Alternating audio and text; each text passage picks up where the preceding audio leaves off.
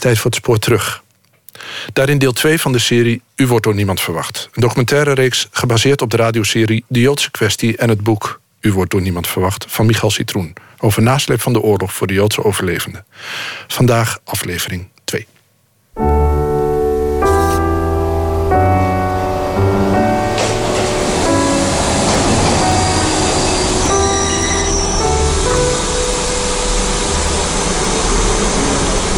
vrouw van, die was toen 18 of 19 jaar, die kwam uit Auschwitz terug. Die vertelde mij dat in Amsterdam het Centraal Station werd ontvangen. Een,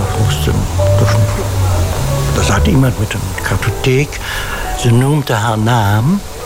Hij keek na en zei... U wordt door niemand verwacht. Toen kreeg ze geld, 25 gulden, en kon gaan.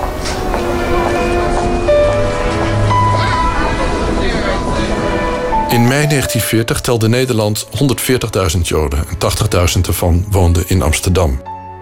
Zo'n 10% van de bevolking van de hoofdstad. Meer dan driekwart van de Nederlandse Joden is door de Duitsers vermoord. Waarom ik? vroeg Maurits Benjamin zich af, net als alle andere slachtoffers. Waarom bleef ik en anderen niet? Hij komt eind juli 1945 bij Enschede over de grens. Daar krijgt hij een kom erwtensoep. Ik zag natuurlijk ook weer in het streeppakje, zag nog wel even belabberd uit en alles kaal geschoren. En toen kwam er iemand van de Joodse gemeente en die zegt: Ik zal u 10 gulden geven als voorschot van. En daar kunt u mee naar, waar moet u naartoe? Ik zeg naar Rotterdam. Oh ja, daar komt u wel een heel eind mee. En dat was dan, dan mijn eerste opvang in uh, Holland. Gerrit Groen kwam in juni 1945 naar Nederland terug. Hij weet niet meer precies door wie hij naar huis werd gebracht. De Amerikanen hadden hem in Leipzig opgevangen nadat de Russen hem een tijdje in Treubitz hadden laten zitten. Nederlanders had hij voor de grens nooit gesproken of gezien. Even woonde hij in Amsterdam bij zijn enig overgebleven familielid, zijn tante, op zolder. En niet lang, dat ging niet. Hij werd gebracht naar het Joodse weeshuis in de Rapenburgerstraat. Hij was toen net 15 jaar oud. Waren maar een paar die in het kamp waren geweest, de rest had allemaal ondergedoken gezeten. Spraken nooit over de oorlog. Over het kamp werd toen niet gesproken, dat doe ik nog niet. Daar raak ik overstuur van. Mijn grootvader sprak zoals veel van zijn lotgenoten nooit over Auschwitz. Een van de weinige dingen die hij wel wilde vertellen was van zijn bevrijding door de Russen. Na de evacuatie van het kamp, tijdens de dodenmarsen, had mijn opa zich verstopt. En vervolgens liep hij door de sneeuw in januari 1945 het oprukkende Russische leger tegemoet. Hij mopperde vaak over het schunnige gedrag van de Nederlandse autoriteiten na de oorlog.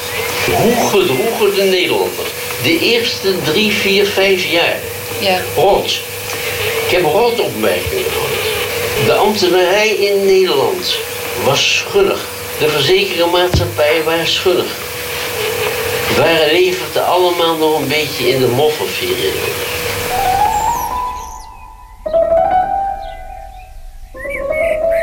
En dat was voor mij de aanzet om af te studeren op een scriptie over de opvang van Joodse oorlogsslachtoffers.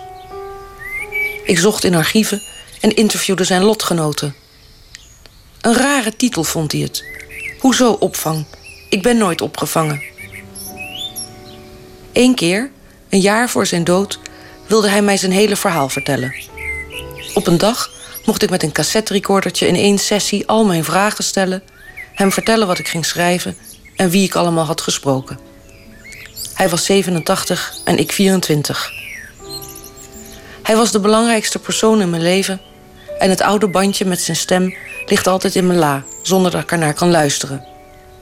Maar nog één keer, 70 jaar na de bevrijding, wil ik graag zijn verhaal en dat van zijn lotgenoten over de nasleep van de Shoah laten horen.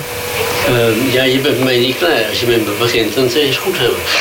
Of ja of niet. Als je het einde wil maken, dan ga je maar. Want ik ben nog niet achter, want ik, ben, ik heb verder uh, niet helemaal. Nederland is met de ambtenaren waar je mee te maken had. was alleen maar een bevriende ambtenaar. Die niet bevriend waren, dan kon ik voorbarsten. Ik heb mijn woning niet teruggekregen, dat was sommige ambtenaren behandelden me van het idee van... God, heb je nog dat teruggekomen is. Er zijn niet veel teruggekomen. Ik ben teruggekomen. Oh God, het gaat lastig hè, zo teruggekomen worden. Zo vet ik wel.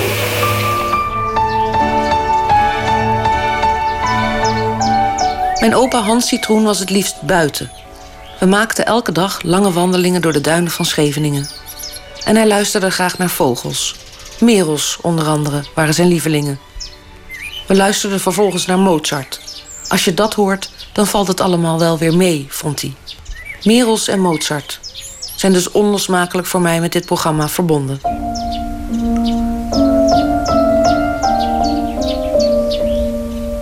Gerard Deurlacher beschreef in zijn boek Strepen aan de hemel hoe hij in goederenwagons op een zijspoor in Eindhoven aankwam.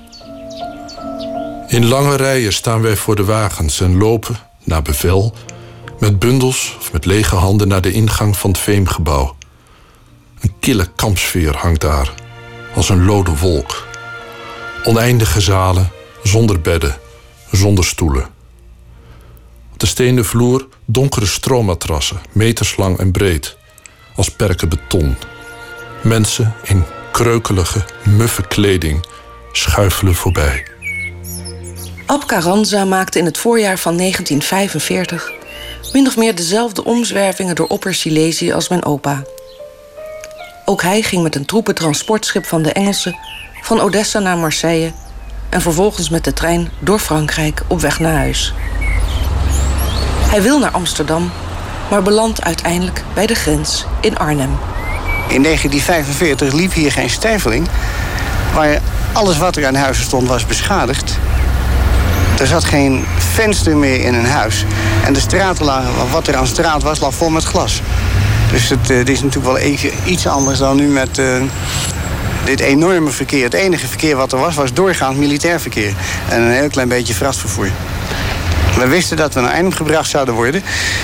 We hebben verzuimd te vragen of ze ons ook nog verder zouden brengen. En uh, waren we in de veronderstelling dat dat zonder meer gebeuren zou. En toen werd ons gezegd dat dit Eindhoven was.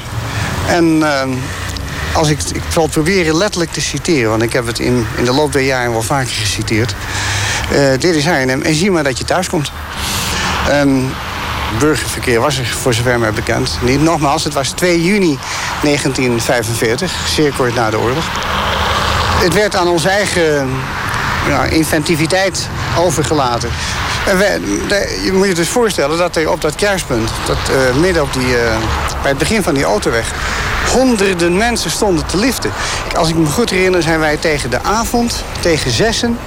kregen we eindelijk een lift van een uh, Nederlandse militair, een Nederlandse officier. Die bracht ons naar, de, naar het Ajax-stadion. En daar kregen we heel toevallig een andere lift naar Amsterdam-Oost... naar kennissen waar we de eerste weken na de oorlog... bij onze thuiskomst hebben doorgebracht. Toch zal eens het Joodse volksdeel... vermengd, doch niet omzield zijn plaats hernemen aan de Nederlandse haardsteden. Al zal veel leed helaas niet ongedaan kunnen gemaakt worden. Het Nederlandse volk zal zich zijnerzijds beijveren om de geslagen Joodse wonden naar beste vermogen te helen. Gelijk het zich zal inspannen om het doorstaande oorlogsleed aan al zijn kinderen te verzachten en te genezen.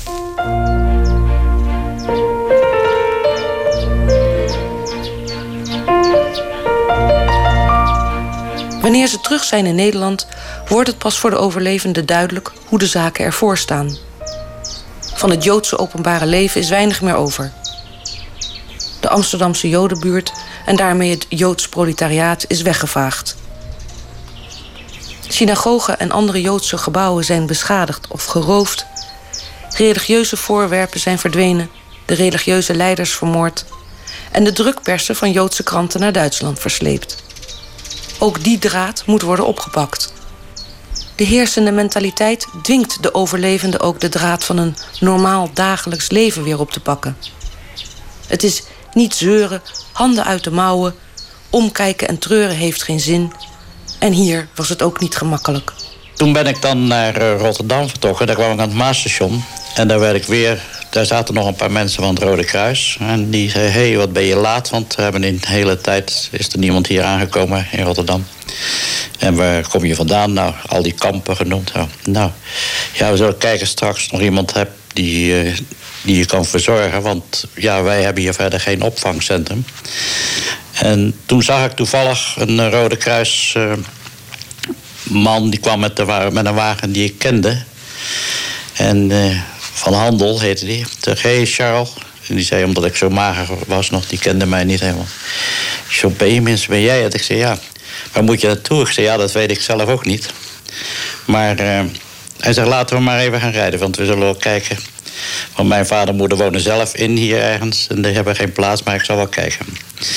Toen ben ik naar diverse ziekenhuizen gegaan. Die zaten vol, die konden mij niet hebben. Ik was niet zo bedlegerig dat ik eh, daar in een ziekenhuis kon worden opgenomen. Dan had je nog in de Glaflorenstraat een opvangs... Uh, de huis voor een school was dat. Het was de huisartsschool geweest. Dat zat ook vol. Uiteindelijk kwam ik dan op de Heemraadsingel terecht in Joods noodhuis. En daar werd ik dan eventjes opgevangen. Toen kwam die meneer naar buiten die dan het hoofd was. En die zei, ja, ik kan geen uh, invalide hebben of uh, hulpbehoevende. Want die zag mij zo zitten, ik kom met, uh, met krukken. En ik zei, nou, ik kan zelf mijn eigen wassen... en ik kan zelf een plasje doen, al die dingen meer. Mocht ik per gods naar binnen toe.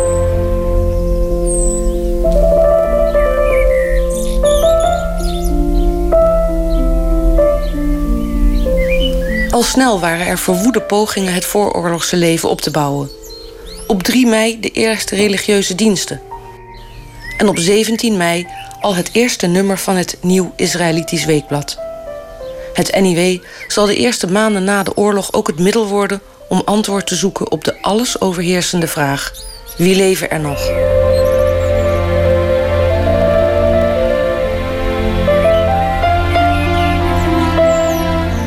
Het is moeilijk om te achterhalen wie er allemaal dood zijn in de chaos direct na de oorlog. En dat antwoord is gek genoeg vaak heel moeilijk te geven. Om dat te achterhalen worden de krachten gebundeld in het Nederlands Informatiebureau van het Rode Kruis. Het informatiebureau stelde op basis van de verzamelde gegevens brochures samen over de verschillende kampen. 330.000 kaarten, 3500 pagina's transportlijsten en 45.000 persoondossiers werden verwerkt. En het kan daarom jaren duren voor het bekend is wie waar is gestorven.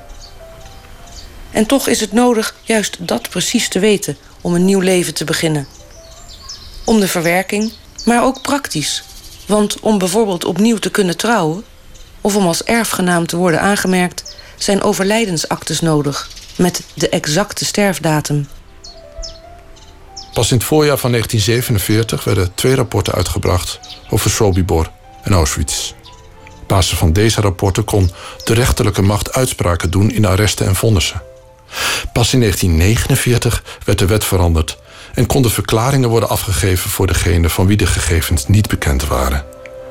Het duurde tot 1953 voordat het informatiebureau alle aanvragen had verwerkt. Voor velen betekende dit dus jarenlang wachten voordat allerlei civielrechtelijke procedures konden worden afgehandeld.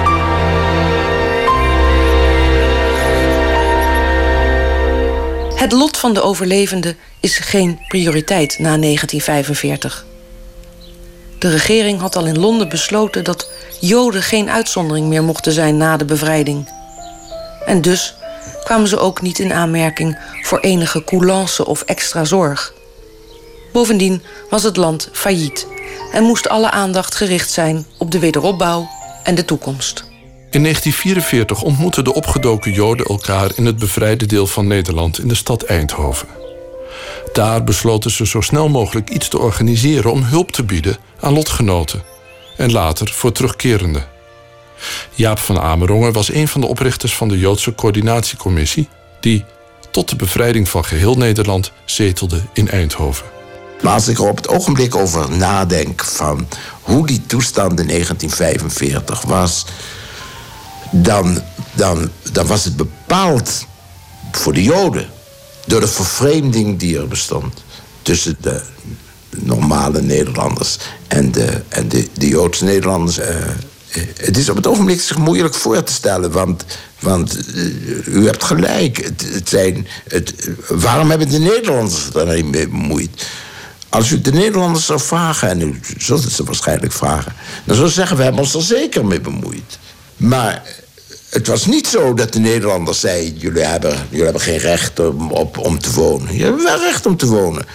Maar, maar als de JCC zich er niet mee had bemoeid, actief had bemoeid, dan was het allemaal nog veel langzamer gegaan. En uh, wie de geschiedenis kent van, van het, het rechtsherstel voor de Joden.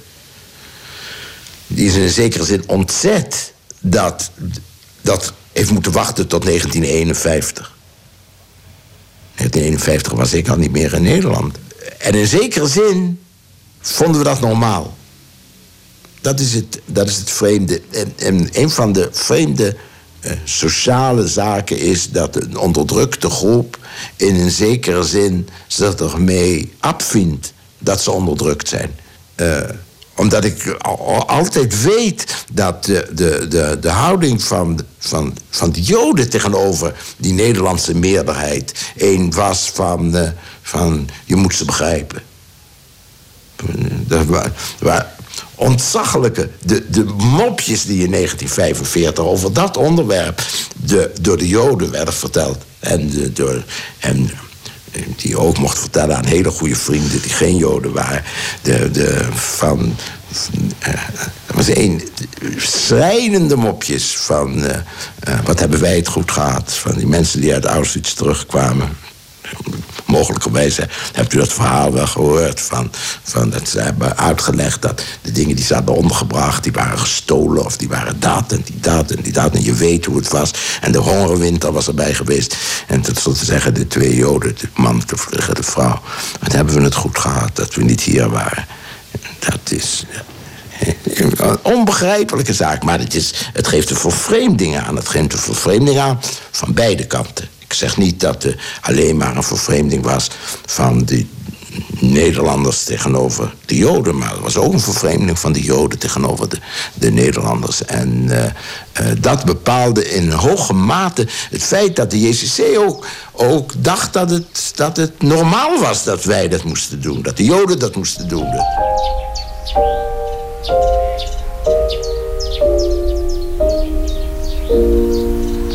Toen mijn opa mij voor het eerst van zijn ervaringen vertelde, kon ik het haast niet geloven.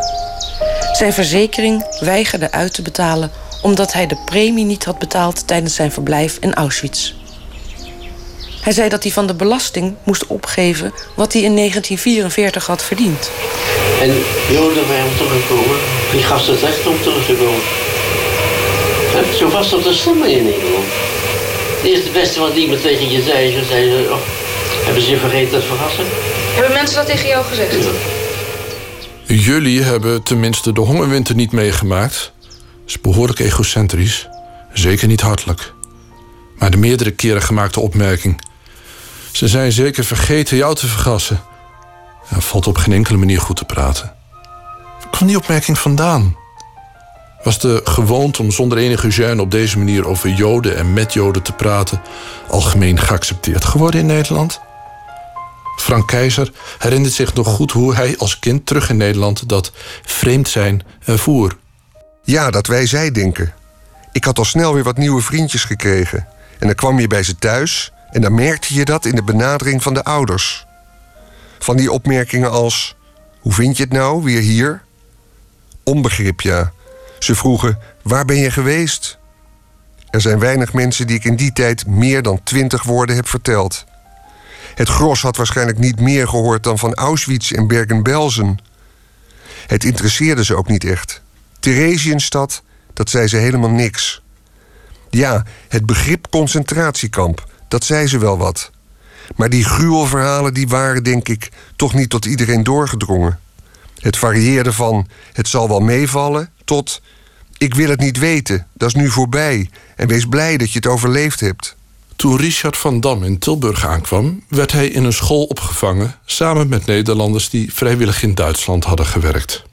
Dat veroorzaakte grote spanningen met een groep ex-politieke gevangenen, onder wie van Dam. Dat gevrijving. En de commandant zei dat we daar begrip voor moesten hebben... dat ze pas bevrijd waren. Nou ja, pas, Brabant was leren bevrijd. Maar ik had nergens begrip voor de donder maar doodman. Ik ga daar niet in één kamer zitten met gasten. Dit vrijwillig tekenen. Nou, en uh, wij hadden ons maar te schikken. Er was oorlog geweest, ze waren bevrijd. En we moesten begrijpen dat we blij moesten zijn dat we zo geholpen werden. Maar wij pikten dit zo niet. We hadden helemaal niks gewend. We kwamen in een concentratiekamp waar je alleen maar luizen had. Maar dit pikte je niet. Maar dat was wel een disillusie als je dan eh, binnenkomt in Holland... of in Frankrijk of in België. Dat was wel een verschil, hoor. Nou ja, toen moest je weer legaal gemaakt worden... want je hebt geen naam meer. Je bent uitgeschreven uit de burgerlijke stand en al die toestanden meer overal langs gegaan. Want je moet toch weer een naam hebben. Je moet weer allemaal gewoon in het gereel. En dat moet je ook willen. Ik wou ook wel. Alleen als iemand me maar zoveel dwars dan pak ik hem. Dat was mijn zelfbehoud. Ik heb bijvoorbeeld de ambtenaar van de burgerstand in Schiedam. Toen wij moesten trouwen, moest ik een akte van bekendheid hebben. Want mijn ouders waren weg. Maar nog niet een doodsoverlijding. En ook niet van mijn schoonouders. Was dan nog niet. Nou ja, die ambtenaar van de burgerstand heeft me van het kastje naar de muur gestuurd. Voordat ik 4 augustus dan kon trouwen. Dat ging dan niet door. Want er waren veel, veel uh, abuizen in die overeenkomst. En ik heb die vent gepakt. En hem over de balie gehaald. En ik heb hem neergezet. Ik zei, nou maak ik je kapot. En dat deed ik dan ook. Ze zijn alles naar me toe gesprongen. En over die vent hebben ze ontzet. Want ik moest het niet doen. Ik zei, trouw ik 4 augustus, ik maak hem kapot. Hij zei, jij trouwt 4 augustus en dan is het zaak voor mij rond. Ik ben 4 augustus getrouwd in 45. Toen hebben ze nog kantaten erop gemaakt... dat ik de burgerlijke stand had willen uitroeien. maar ja, je bent dan lastig en je bent moeilijk. En dat is natuurlijk wel voor buitenstaanders niet te begrijpen... maar voor mensen die het zelf hebben meegemaakt... die weten wat dat is. We zijn lang genoeg gekoeieneerd. En dat pik je keer niet meer. Bleek dat er, uh, althans, dat is mijn ervaring... op onze terugkomst eigenlijk nauwelijks gerekend was. Toen wij in Amsterdam aankwamen, een zaterdagavond... Nou, we waren toch voldoende opgegroeid in dit systeem, zeg maar, in het burgerlijk systeem... dat we, ja, we zullen ons wel ergens moeten melden. Dus we zijn naar de dichtstbijzijnde politiepost gegaan in, in de Linnéestraat. En die wisten oorspronkelijk helemaal niet wat, we, wat ze met ons aan moesten. Na de rand zeiden ze, wacht even, ik geloof dat er op het Centraal Station een instantie is, of een bureau... voor mensen die terugkomen. Gaat u daar morgen nou heen? Nou, dat is ook gebeurd. We zijn de volgende morgen uiteraard lopend, want er reed nog geen tram... naar het Centraal Station gegaan en daar zat inderdaad een commissie... Ik weet niet of het welkom heette of repatriëringscommissie. Ik ben de naam kwijt. De naam ben ik vergeten. En die zaten daar inderdaad voor uh, registratie en distributie bescheiden en de hele hap. Mia Verbiest werkte tijdens de zomer van 1945 op het Centraal Station om terugkerende gedeporteerden te registreren. Ze weet nog dat ze daar via haar voormalige verzetsgroep terechtkwam, maar hoe en wie dat organiseerde, herinnert ze zich niet. Gedurende de oorlog had Mia Verbiest, evenals haar man, illegaal werk verricht. Onder andere als vervalser van persoonsbewijzen. We boden ons na de bevrijding aan om daar op het Centraal Station ook eens te zitten. Het ging bij toerbeurt. Je zat dan aan een tafeltje en de mensen die langskwamen, daarvan controleerde je de papieren en hun verhaal.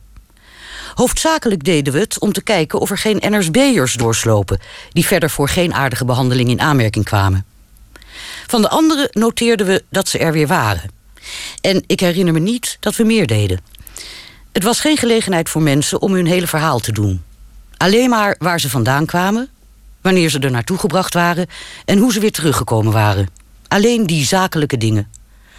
Als ze hulp nodig hadden en ze vroegen daarom, dan stuurden we ze wel door. Joodse organisaties deden ook wel aan opvang, maar er kwamen natuurlijk veel meer andere mensen terug. De dwangarbeiders die opgepakt waren en in Duitsland hadden gewerkt. Het waren ook geen stromen met mensen die arriveerden. Ze kwamen vaak op eigen gelegenheid. Mijn vader is ook op eigen gelegenheid teruggekomen. Uit Auschwitz. Hij is ook in Marseille ontvangen alsof hij een vorst was. En dat was inderdaad toch heel anders dan hier op het Centraal Station. Mijn vader vertelde dat ze toen hij op een Nederlands station aankwam... ergens een plaat vandaan hadden gehaald met het Wilhelmus erop. Ik was het in ieder geval niet die die opmerking maakte. U wordt door niemand verwacht. Ik kan me nauwelijks voorstellen dat iemand dat wel heeft gezegd. Maar het was zeker niet zo dat iedereen met open armen stond te wachten op de mensen die terugkwamen. Wij Nederlanders hier in het algemeen waren toch heel erg slachtofferig. De meesten vonden dat ze het heel erg naar gehad hadden. En dat was ook zo tijdens die laatste winter. En dan zeg je misschien zoiets doms tegen iemand op het station. De man van Mia Verbiest, Cor, volgt zijn eigen gevoel voor rechtvaardigheid. Het ging als een lopend vuurtje door Amsterdam dat er een regisseur bij het hoofdbureau van politie zat die bereid was teruggekeerde Joden te helpen. Joods echtpaar had vlak voor hun deportatie een zak rijksdaalders begraven in een kelder. Ze wisten precies waar. Maar ze werden niet toegelaten op de betreffende plek waar nu anderen woonden. Ze konden dus het geld dat ze dringend nodig hadden niet opgraven. Nou ja, toen ben ik meegegaan en heb gezorgd dat ze de mogelijkheid kregen om die zak op te graven. Zo kwamen ook mensen die meubilair in bewaring hadden gegeven en die zeiden: Het staat er nog, maar we krijgen het niet. Ik vroeg dan: Hoe ziet het eruit? En kwam ik even later op dat adres, dan bleek het er natuurlijk te staan. Ik verhoorde dan die mensen waar het stond. Ik vroeg ze dan apart te vertellen hoe ze aan die spullen waren gekomen. Ik vroeg ook waar de rest was gebleven. Zonder dat ik wist of er nog een rest was. En dan kwam er meestal een heleboel op de proppen. Ik had geen taak, dus dat heb ik gewoon aangepakt. Aan de andere bureaus werden mensen met deze problemen weggestuurd. Daar hadden ze het veel te druk met andere zaken. Die konden zich toch niet met joden en dat soort flauwekul bemoeien. Dat was het teneur.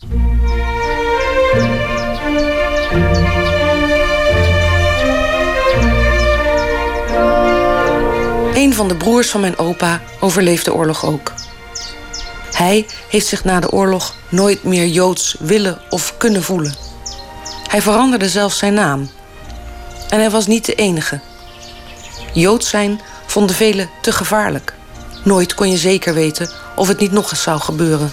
Voor hen die niet zo sterk in hun Joodse schoenen stonden en die een apart Joods bestaan niet aankonden of aan wilden, bleven grof gezegd maar twee andere mogelijkheden over: assimilatie of emigratie.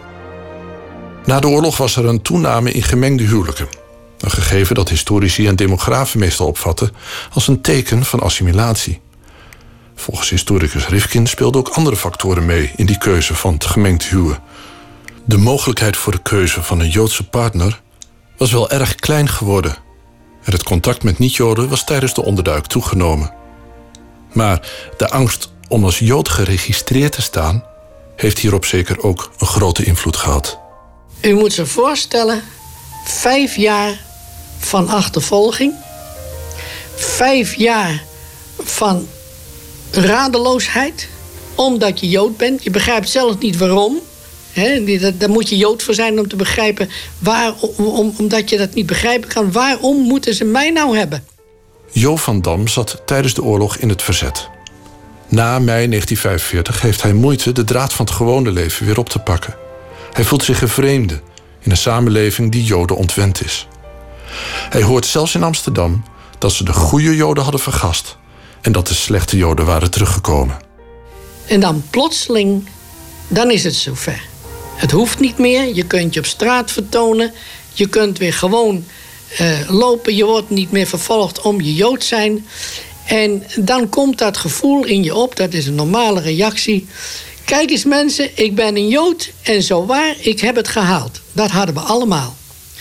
Wat u bedoelt, dat is helaas door die vijandige houding van de Nederlandse bevolking, is dat zo gegroeid in korte tijd dat men zei: ga daar nog aan toe. Ik, ik moet daarmee ophouden. Het heeft geen zin. Ik kan die anderen niet overtuigen dat ik niet anders ben als zij. Ik kan maar beter als niet-Jood door het leven gaan. En dan komt er iets heel merkwaardigs. Uit zelfbehoud heb ik dus in mijn boek beschreven dat ik de oorlog heb doorgemaakt als katholiek, als niet-Jood. Maar ik heb wat dat betreft heerlijk rustig geleefd. Daar viel gewoon iets van je af wanneer men overtuigd was dat je geen Jood was. Het is een idiote situatie die alleen een Jood die zoiets meemaakt kan voelen. Dat is moeilijk om eraan te voelen. Maar wat dat betreft is alles van je afgevallen. Je was werkelijk eh, onder een enorme druk die je hele leven heerste, was je vandaan. Je was geaccepteerd als ja, die van ons.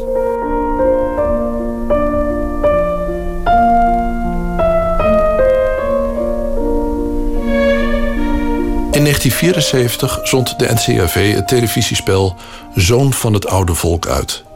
Het is het verhaal van twee Joodse weeskinderen die tijdens de oorlog zijn ondergedoken bij christelijke pleeghouders. Na de oorlog besluiten ze hun Jood zijn te verbergen. Ik heb ook nog een paar jaar rechten gestudeerd, maar dat kon ik niet volhouden. Ik kreeg last van hoofdpijn en nerveuze stoornissen. Ik ben naar de dokter gegaan, maar die kon niks vinden. En ik kreeg het advies om er voorlopig mee op te houden. Ik wilde niet, maar ik moest wel.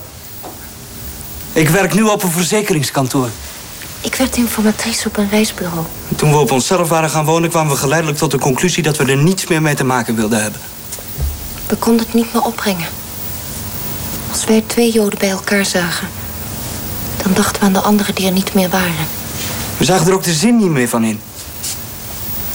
En als we ons realiseerden hoeveel eeuwen de Joden al het kind van de rekening waren geworden, dan wisten we dat het opnieuw zou kunnen gebeuren. Waarom zou je het risico lopen als er niets tegenover staat? We hebben natuurlijk wel naar motiveringen gezocht. Maar ik geloof dat de eigenlijke reden de angst was. We waren bang voor het woord Jood. Betekende voor ons alleen maar Jodenhaat. Jodenstreek. Jodenmop. In het gunstigste geval medelijden. Daar hadden we geen behoefte aan.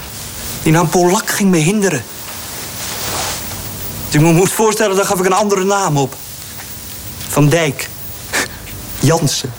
Wat me met de binnen schoot.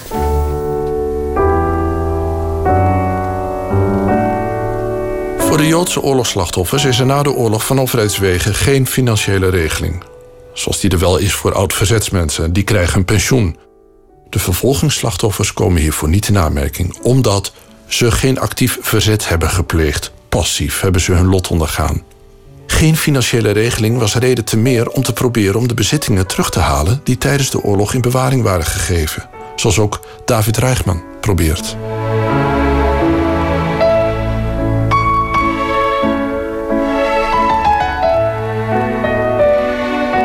In de Schreuder van de Kolkstraat, die wij in 1942 uh, hebben moeten achterlaten, hebben wij uh, enkele stukjes, uh, een, een, een, een, kast en, een, en wat foto's en nederlagen hebben we, hebben we teruggekregen. We hebben in 1942 onze woning achtergelaten. we hadden toen de tijd een kamerverhuurbedrijf. Nou ja, kamerverhuurbedrijf is een beetje veel gezegd, maar mijn moeder verhuurde kamer aan studenten. Die studenten die zijn, uh, zover ik later heb gehoord, de hele oorlog in die woning gebleven en hebben gewoon gebruik gemaakt van de spullen die daar stonden. Het aardige is, toen mijn uh, vader in uh, 1945, eind mei 1945 terugkwam en zich naar de Schreuder van der Kokstraat begaf, dat de, de buurvrouw, met, uh, met uh, misschien andere buren net bezig was uh, onze piano van het balkon naar beneden te laten. En die was een halve meter boven de grond aan een touw. En toen ze mijn vader zag, liet ze verschrikt de piano vallen. De deksel is toen gebroken. Ik heb later de piano teruggekregen. Maar ze waren toch bezig om. die man komt toch niet terug. Laten we in ieder geval maar de piano meenemen. Hè? Want dan hebben we toch al in ieder geval weer wat gewonnen. Ik weet wel dat wij uh, van de goederen die wij uh, bij de buren hadden ondergebracht. Ik weet, we hadden serviezen en vooral uh, de spullen van mijn zuster, die toen dat tijd op trouw stond. Die hadden we allemaal bij de buurvrouw en bij andere buren ondergebracht. Maar daar hebben we niets van, van teruggezien. En ook mijn vrouw heeft de spullen die haar vader, eh, meubelstoffen en dergelijke, eh, bij verschillende adressen had ondergebracht. Daar is eh, niets van teruggekomen. mijn vrouw weet ook waar haar vader wat munten en wat seks en dergelijke heeft ondergebracht. Maar de mensen hebben allemaal gezegd dat ze er, dat ze er niets meer van hadden. We weten één adres in Utrecht waar mijn vrouw is geweest. Die, die man had de kostuums van haar vader aan. En had zijn kamer nota bene behangen met stoffen die je voor matrassen gebruikt. Dat is zo'n zo zijdeachtige stof toen dat tijd. Daar was, was de kamer mee behangen. En eh, dus hij heeft gewoon alles, eh, alles wat er maar uh, te gebruiken was, heeft hij gebruikt. En we hebben daar niets, niets van teruggezien.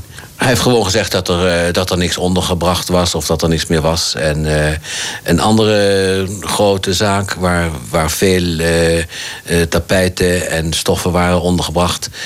die hebben tegen mijn vrouw gezegd dat de Duitsers waren gekomen die het allemaal weg hadden gehaald. Er was ook niks meer van.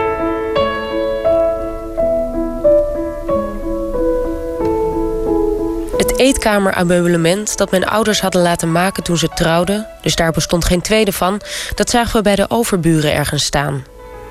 Mijn moeder is ernaar gaan vragen, maar ze hielden bij hoog en bij laag vol dat het hun eigen ameublement was. Tja, daar doe je dan niks aan. Terwijl we er nog één stoel van hadden, lukte het niet om de rest terug te krijgen. En mijn liefste vriendinnen, die schaamden zich kapot. Ze zijn nog wel eens geweest, maar het waren mijn liefste vriendinnen niet meer. Dat durfden ze ook niet, denk ik. Het was wel een teleurstelling, vooral bij die twee waarvan ik mijn hele kamptijd had zitten denken: oh, als ik die maar weer terugzie.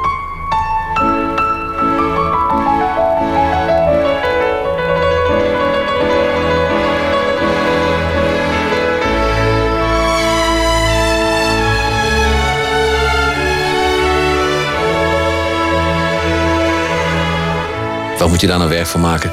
Je bent, uh, je bent blij dat je terugkwam en je, bent, je hebt weer je eigen bezonjes en je, je hebt weer een baan en je werkt weer. Maar ja, dat was eigenlijk. Uh, nee, dat was. Uh, de, buitendien uh, was ook moeilijk te bewijzen. ik weet ook dat mijn schoonvader bij een boer. Mijn schoonvader deed nogal in paarden. paarden hadden ondergebracht. En ja, de mensen hebben gezegd. Ja, die werden gevorderd door de Duitsers. Nou, best, die werden, die werden gevorderd. En dat is ook, is ook aan te nemen dat het, dat het waar is. alleen hebben ze er wel geld voor gekregen.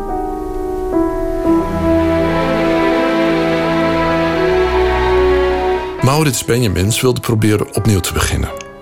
Voor de oorlog had hij gehandeld in textiel. Alles wat hij aan textiel had gehad, was hij nu kwijt.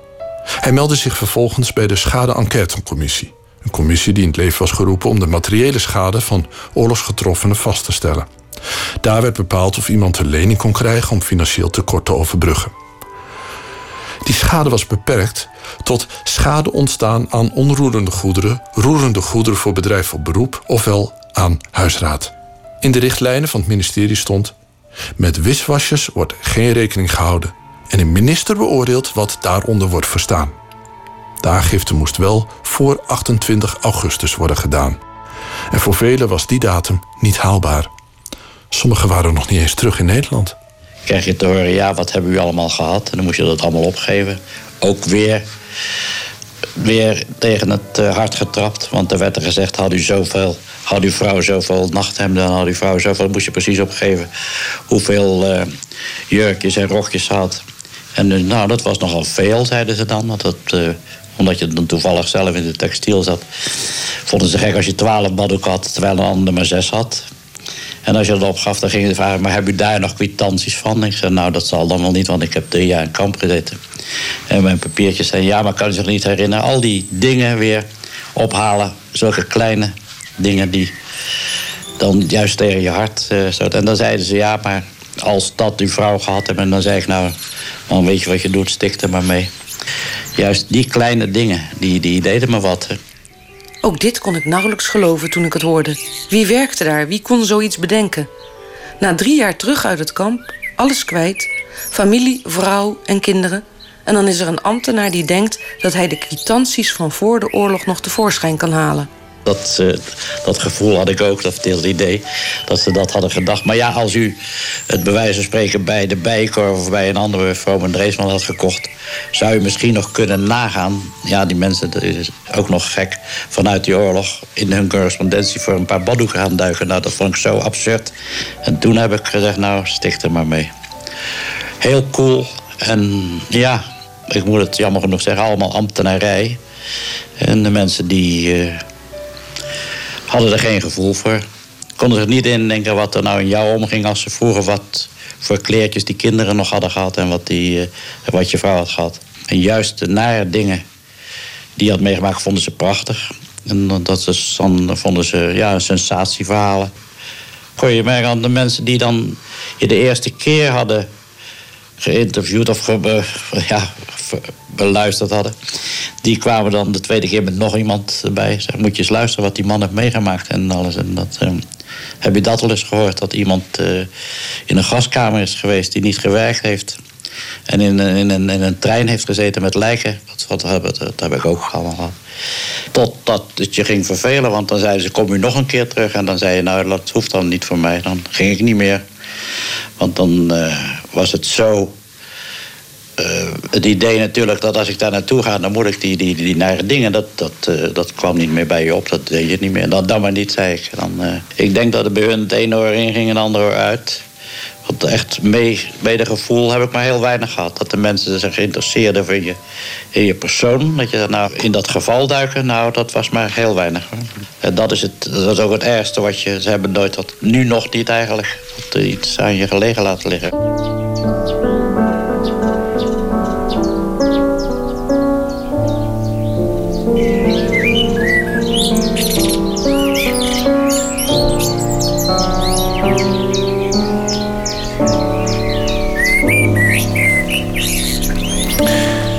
Deel 2 van een serie van vier van Michal Citroen, gemonteerd met Berry Kamer.